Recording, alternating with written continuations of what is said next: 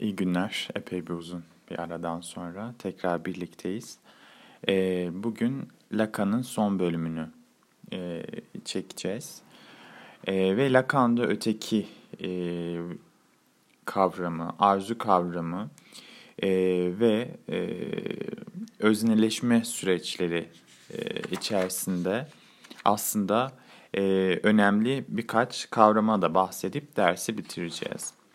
İlk önce e, Lacan'da öteki e, ne demek? Lacan için öteki tabi Levinas'tan çok farklı biraz daha psikolojik olarak ele alınıyor.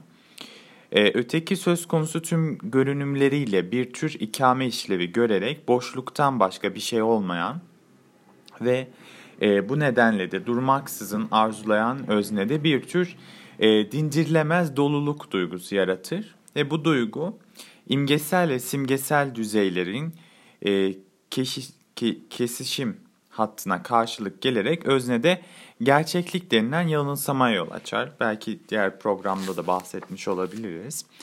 Ee, yaşayacağımız diğer bütün e, özdeşleşmelerin temelinde bu ilk özdeşleşmenin etkisi vardır. Bu e, aslında bu kesişmenin etkisi var. Yani çocuk bu ilk imagoyu üstlendiğinde sadece kendiliğini kazanmaz. Aynı zamanda e, dünyada nesneler dünyası olarak yani bir e, benden ayrı tecrübe edilecek bir dünya olarak ilk kez ortaya çıkar. Burada e, çocuğun aslında e, aynı evresinde o imagoyu edinmesi ve kendinin de aslında nesnel dünyada konumlanmış başka bir öteki olduğunu e, anlamasıyla bir proto öznenin de ortaya çıktığını görüyoruz. Bu simgesel düzeye daha sonra taşınacak. Aynı evresinde özne aslında bir tabi proto özne, ideal öznedir. Başkasıyla ilişki özneleşme sürecinde olmazsa olmaz ve onu koşullayan bir ilişkidir. Yani ortaya çıkması için gerekli bir ilişki. Fakat burada bir özneler arasılık inter e, subjektivite de yok aslında. Çünkü çocuk için ben ile başkası arasında bir ayrım olmayan bir durumda ben ile başkası arasında bir ayrım olan duruma geçiyoruz. Yani bundan önce yoktu. Ee, ben bunu biraz da e, metafor biraz tabii ama aynı evresinden önce biraz da aslında çocuk e, daha e, monis bir dünyada yaşıyor. Yani biraz daha bulut toz bulutu gibi e, bir bilinç yumağı aslında ve çevresiyle de e, ilk bu teması e, bu yumağın dağılması ve kendinin biraz daha konsolide e, olması, biraz daha e, tortulaşması, e, belli bir özne kalıbı içerisinde başka bir başka olarak kendini konumlaması. Yani burada beni ve başkayı, başkayı ilişkinin iki ayrı parçası olarak kurgulayan şey yansıma, speküler ilişkinin de ta kendisidir.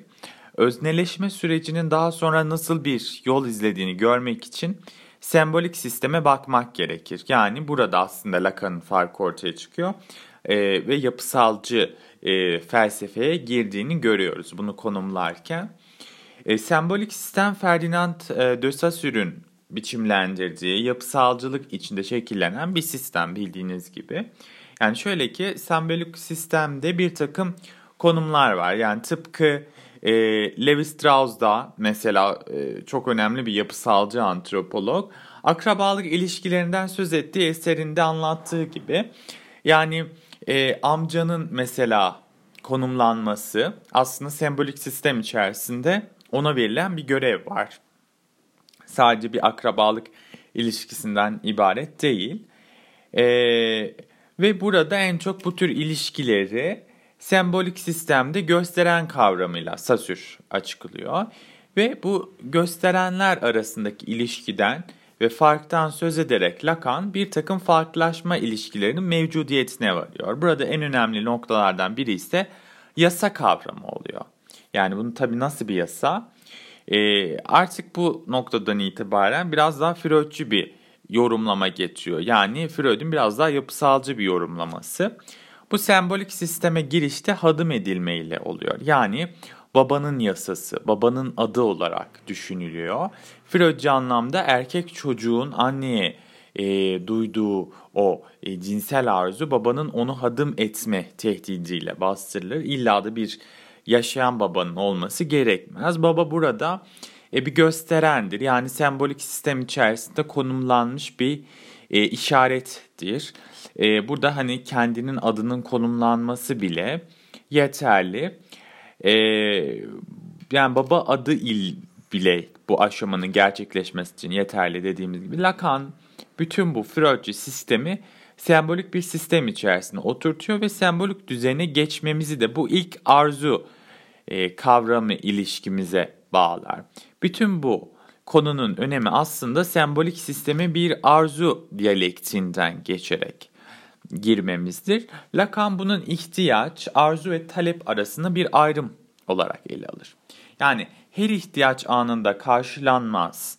Eğer öyle olsaydı konuşan varlıklar haline gelemeyecektik. Hatta Lacan şöyle der, kelimelere ancak istenilen bir şey yok olduğunda ihtiyaç duyulur.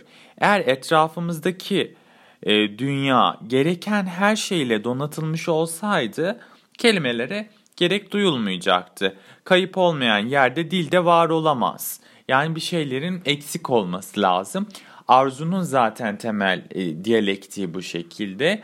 Arzu bir e, doldurulamaz, içi doldurulamaz bir boşluk hissidir. Ve sürekli bir şeylere karşı arzu duyarız. Mesela nedir bu?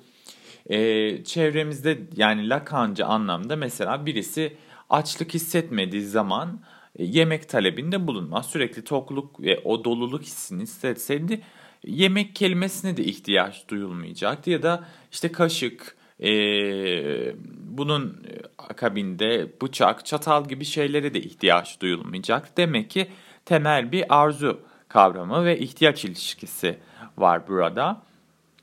İhtiyaç talep içerisinde kendini belli ettiğinde ise örneğin çocuklar sürekli bir şeyler talep ederler. Oyuncak araba, bebek vesaire ama asıl istedikleri annenin mevcudiyetidir. Yalnızca bunu bir takım ihtiyaçlar belirleyerek yaparlar. E, tabii burada arzuyu açmak lazım. Lacanca arzu ne demek? Arzu Lacan'ın söyleminde bizi olduğumuz şey kılan yani olduğumuz şey haline getiren, bizi olduran simgesel ötekidir. Simgesel öteki beni kendini dışından, ötesinden gelerek kendini dayatan, e, bu dayatmayı da ona ne olması, ne yapması gerektiğini buyuracak bir biçimde yapan bir ötekidir. Yani arzu e, bu noktada talepten farklı bir şey. Yalnızca mevcudiyeti talep etmek değildir arzu. Büyük aşk hikayelerinde sevilen orada olmasa bile arzulanabilir. Yani illa bir mevcudiyetten bahsetmiyoruz. Arzunun nedeni veya kökeni öznenin kendisine de kapalı olabilir. Birçok durumda insan o kişiyi veya durumu neden arzuladığını bilemeyebilir. Lacan'a göre dişil özne daima başkasının fallusu, daima arzu duyulan anne sembolik sistemdeki ilk fallus olmak ister. Başkasının arzusunun kilit noktası olmak ister. Erkek özne de fallusa sahip olmak ister. Ancak ne biri fallustur ne ötekisi de fallusa sahiptir.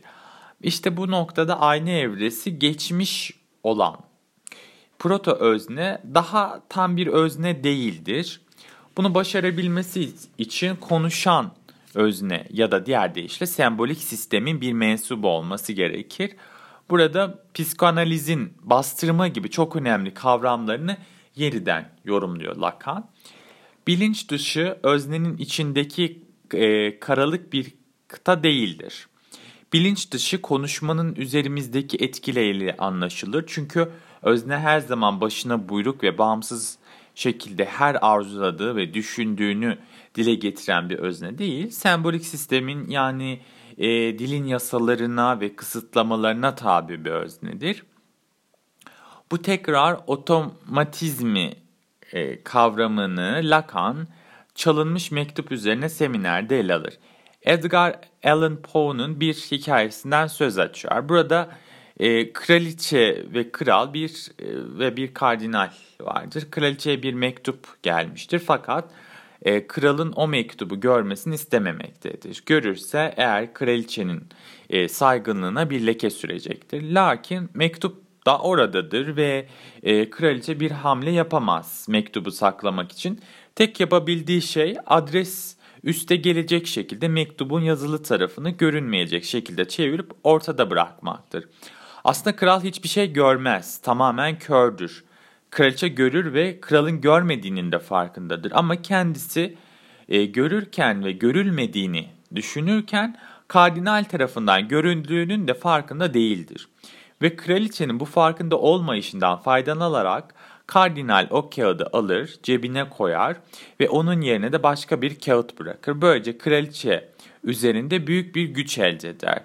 Daha sonra kraliçe bir takım dedektifleri araya sokarak o mektubu kardinalden geri almaya çalışacaktır ve aynı sahne bu sefer farklı bir üç dizi hikaye içerisinde polis müfettişiyle kardinal arasında olur ve kardinalin evinde cereyan eder.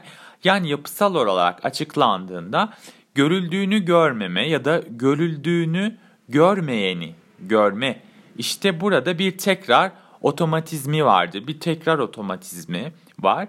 Yani aslında bilinç bilinç dışı dışarıdadır, dünyadadır ve orada dolaşmakta olan bir gösterene bağlı olarak otomatik bir tekrar meydana gelmektedir. Biz bu otomatik tekrarın içinde özne oluruz. Eğer bizim bir hakikatimiz varsa da bunun içerisinde ortaya çıkar.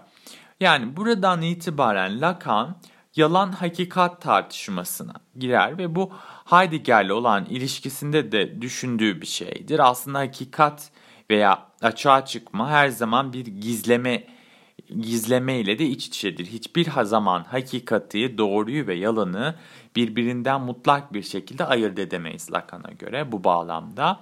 Özne hiçbir zaman tam olarak burada mevcut bir oluşu sergilemez. Simgeselin ağında hep gösterenler aracılığıyla sunulan ve tekrar tekrar yeniden e, mevcuda getirilmeye çalışan bir tarz içinde e, ve biçimde var olmaya devam eder.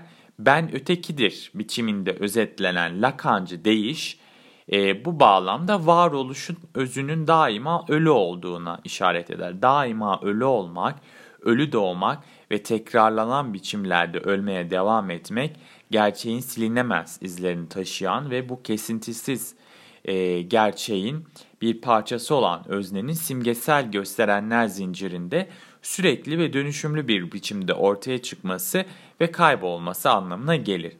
Yani simgesel düzen yaşayan varlığın ve bizdeki e, dirimselliği, hayatı öldürerek onu gösterenlerle yeniden tekrar tekrar yazar. Öyle ki varlık ölür, harf öldürür ve yalnızca gösteren e, yaşamaya devam eder. Harfin, sözcüğün öldürülmesi bir anlamda simgesel düzenin e, özneyi olduran, dönüştüren ve sonunda ortadan kaldıran güçteki e, belirleyici e, işaret, belirleyici etkisine işaret eder. E, bu noktada Lacan'dan e, bahsetmiş olduk. E, diğer e, bölümde e, yeni bir seri e, ve Döloz'den e, bahsedeceğiz. Günümüzde de çok e, popüler olmuş e, ve çok fazla da özellikle e, kapitalizm okumalarında kapitalizm ve şizofreni en çok e, ilgi gören eserlerinden bir tanesi. Bunlardan bahsedeceğiz. Dölozcu e, felsefeden e, derinlemesine bahsetmeye çalışacağız. İki ya da üç program e, şeklinde planladım duruma göre. E, beni dinlediğiniz için teşekkür ederim. Diğer e, bölümde görüşmek üzere.